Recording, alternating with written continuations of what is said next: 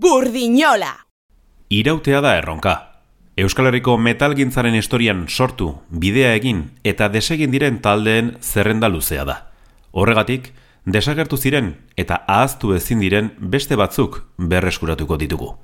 2000 eta zortzi eta 2000 eta emezortzi urteen artean diskoa argitaratu zuten eta deseginda dauden amar talde hautatu ditugu zortzigarren atalean. Hau da, Euskal Herriko heavy metalaren historia. Endaiako ilungara taldea da gogora ekarriko dugun lehen bizikoa. Leiz Metal izenarekin elkartu ziren larogeita amaseian, eta hainbat kontzertu eman ostean erabaki zuten izena aldatzea. Taldekide batzuk joan eta beste batzuk etorrita, azkenik, Lapurdiko eta Gipuzkoako lau musikari hauek osatu zuten banda. Iban Estebez abeslari eta gitarista, David Camarillas gitarista, Benito Charles basua eta Estefan Dase bateria. 2000 eta iruan, Following the Flame maketa orkestu zuten, agerian utziz, heavy power metal doinuak gustuko zituztela. Aldiz, iraupen luzeko disko bakarra 2000 eta bederatzean plazaratu zuten, From the Ashes to the Dust. Ingelesez abestu lan horretan, kantetako baten euskarazko egokitzapena jaso zuten. 2000 eta amabian desegin zen taldea, eta estebezek eta kabaniasek irungo Blast Wave taldearekin bat egin zuten. Ilungara, errautsatik errautsara.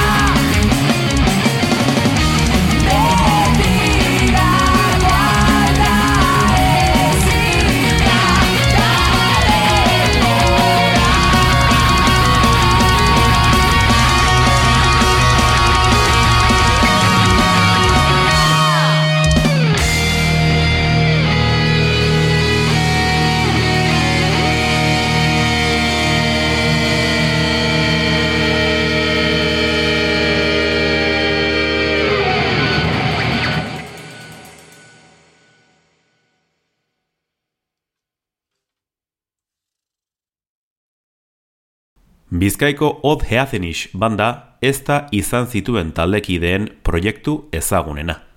Muturreko metalean trebatzen eta bidea egiten ari ziren zenbait musikariren euskarazko death thrash metal proposamena izan zen.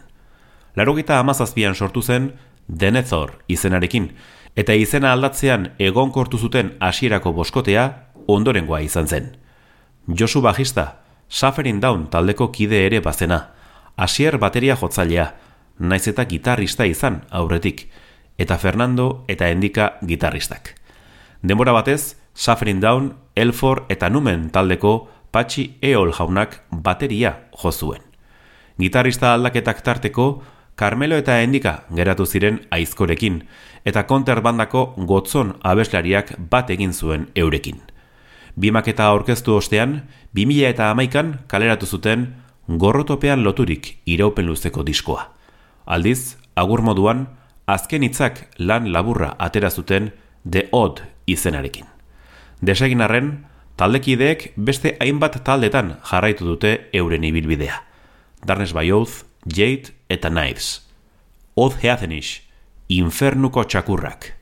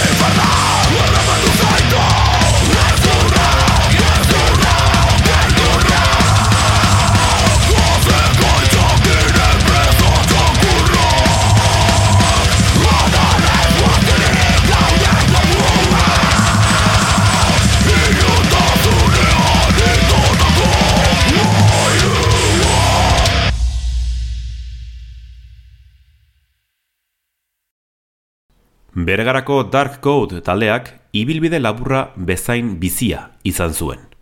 Erauntxi baten moduan agertu ziren, zuzeneko indartsuak eman zituzten, eta horrelako batean desagertu ziren. 2000 eta bederatzean elkartu ziren mamituriko death, thrash eta groove metal doinuak lantzeko. Aitor Etxaniz abeslari eta gitaristak, John Elorza gitaristak, Julen Rodríguez bajistak eta Mikel Gomez bateria jotzaileak zeresana eman zuten azaleratu zuten proposamenarekin. 2000 eta amabiko Race of Death lehen diskoak arrera ona izan zuen, eta 2000 eta amabosteko Delineate bigarrenarekin urrats nabarmena egin arren gutxira utzi zuten. Ondoren, Gomez eta Rodríguez Child Rain gazteiztarrekin elkartu ziren, euren bidea ere dirudienez agortu zen arte. Gaur egun, Gomez lanprea taldearekin dabil buru belarri. Dark Code, Walking to Ruin.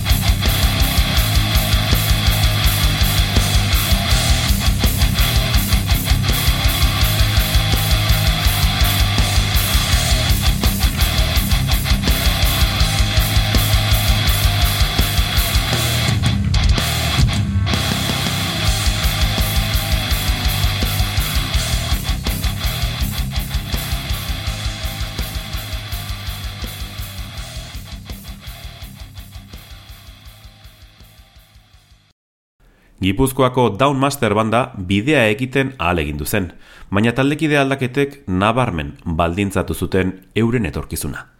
2000 eta bederatzean sortu zuten Dark Avenue taldean ibilitako Raul Gilek eta Xabi Toledok eta Iberland bandako kide izandako Xabi Ramosek, besteak beste. Ingelesez zein euskaraz abesturiko heavy thrash metalaren alde egin zuten. Bi lan labur plazaratuta, 2000 eta amalauan argitaratu zuten Blood for Blood disko bakarra. Urte horren inguruan utzi zuten. Ramosek Beers Breaker taldearekin egin zuen aurrera, eta Gilek gauza bera egin zuen Drabernu bandarekin. Downmaster, ardibeltza. Something's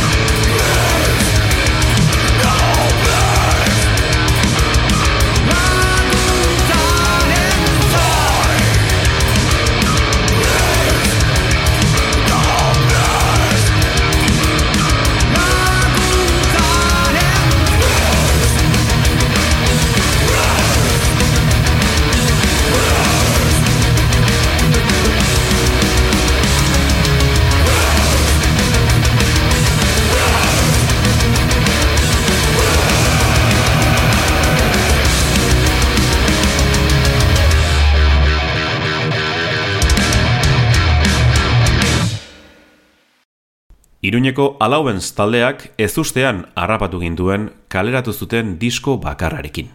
Beste batzuen antzera, aurpegia eman orduko ezkutatu ziren. Nafarroako metal arrobitik jaio ziren 2000 eta bederatzean, eta kontzertuak emateko lau musikari hauek elkartu ziren. Alexei Kolegin, gitarrista eta abeslaria, Miguel Ángel Sicilia, bateria, Axel Luis Fernández, gitarrista, eta Alberto Beunza, bajista jorratzen zuten thrash death metal melodiko eta modernoak batzuen belarriak tentetu zituen. 2000 eta amalako Unbreakable disko bakararekin sentsazio ura berretsi zuten. Urtebete beranduago iragarri zuten etena. Koleginek Diabolusin musika bandan urte batzuk egin zituen, eta Siziliak Damner Ritual sortu zuen. Allowance, on the edge.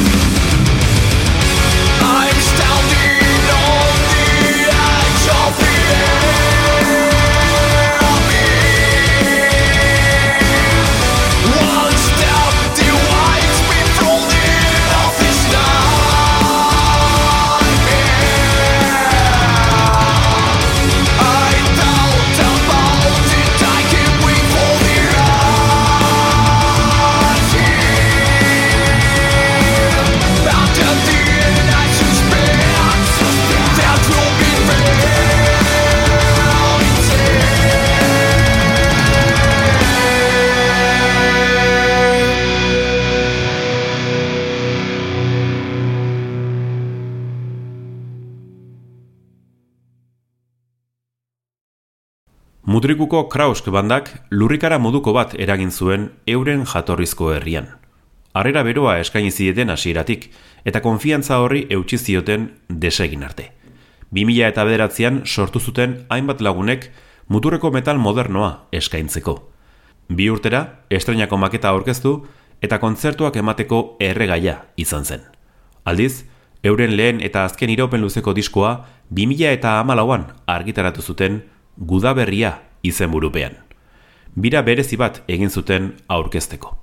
Taldeak, joan etorriak izan zituen, eta denbora batez geldirik egon ondoren, 2000 eta emezortzian azken kontzertua eman zuten mudrikuko gaztetxean.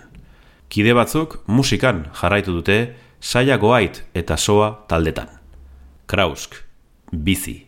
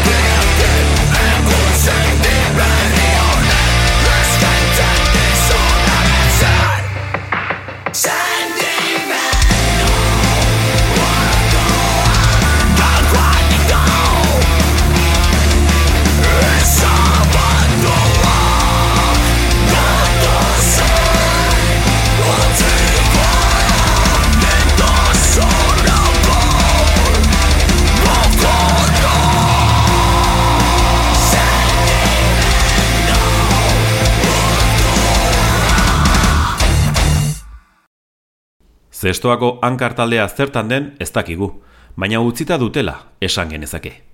Egia esan, horrelako banda gehiago daude gurean.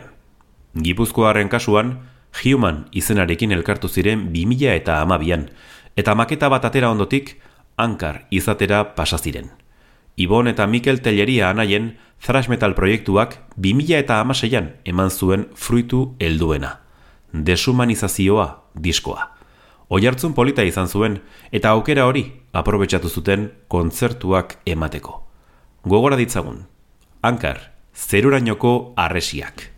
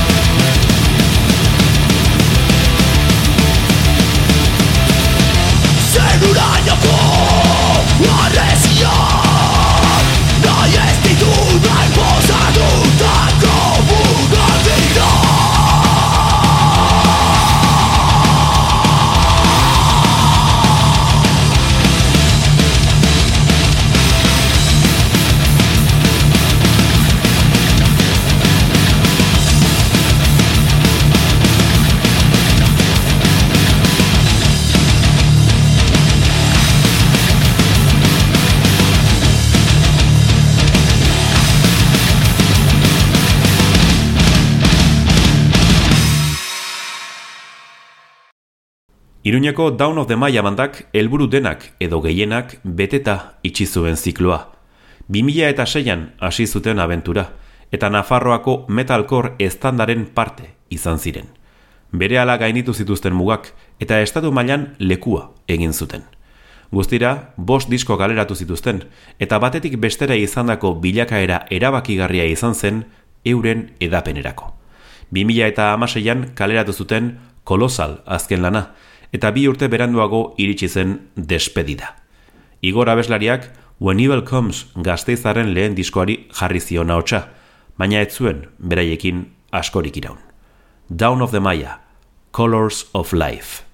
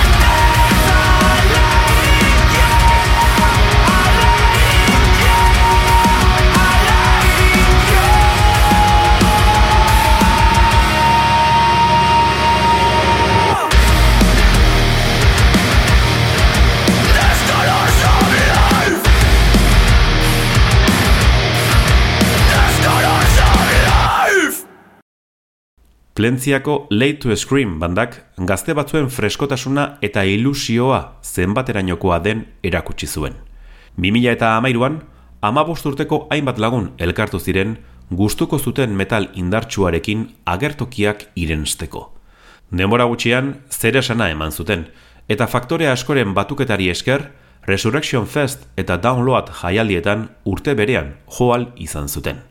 2000 eta amabost urte bukaeran grabaturiko disko bakarra, azkenik 2000 eta amazazpian plazaratu zuten. Between Routes and Fires. Gerora, pixkanaka apaldu eta desagertu zirela esan genezake. Gazte haietako batzuk musikagintzan jarraitzen dute. Lay to Scream. Stream.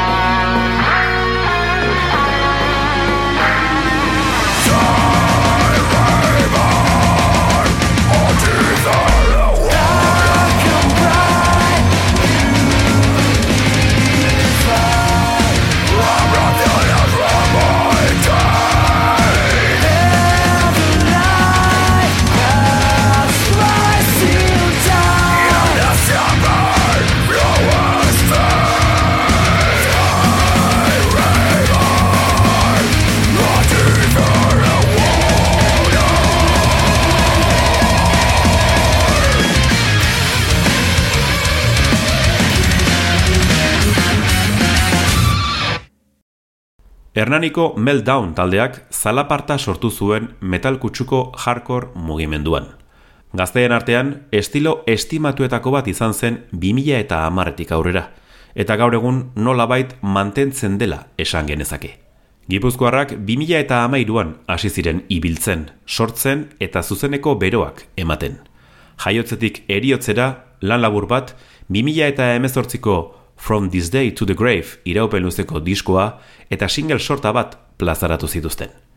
2000 eta hogeian itzali zen euren grina, eta 2000 eta hogeita biko martxoan taula gainetik agurtu ziren. Hau da, Euskal Herriko heavy metalaren historia. Zortzigarren atala amaitzeko, Meltdown gipuzkoaren Death is a Promise abestia aukeratu dugu. Urrengora arte, metalzale.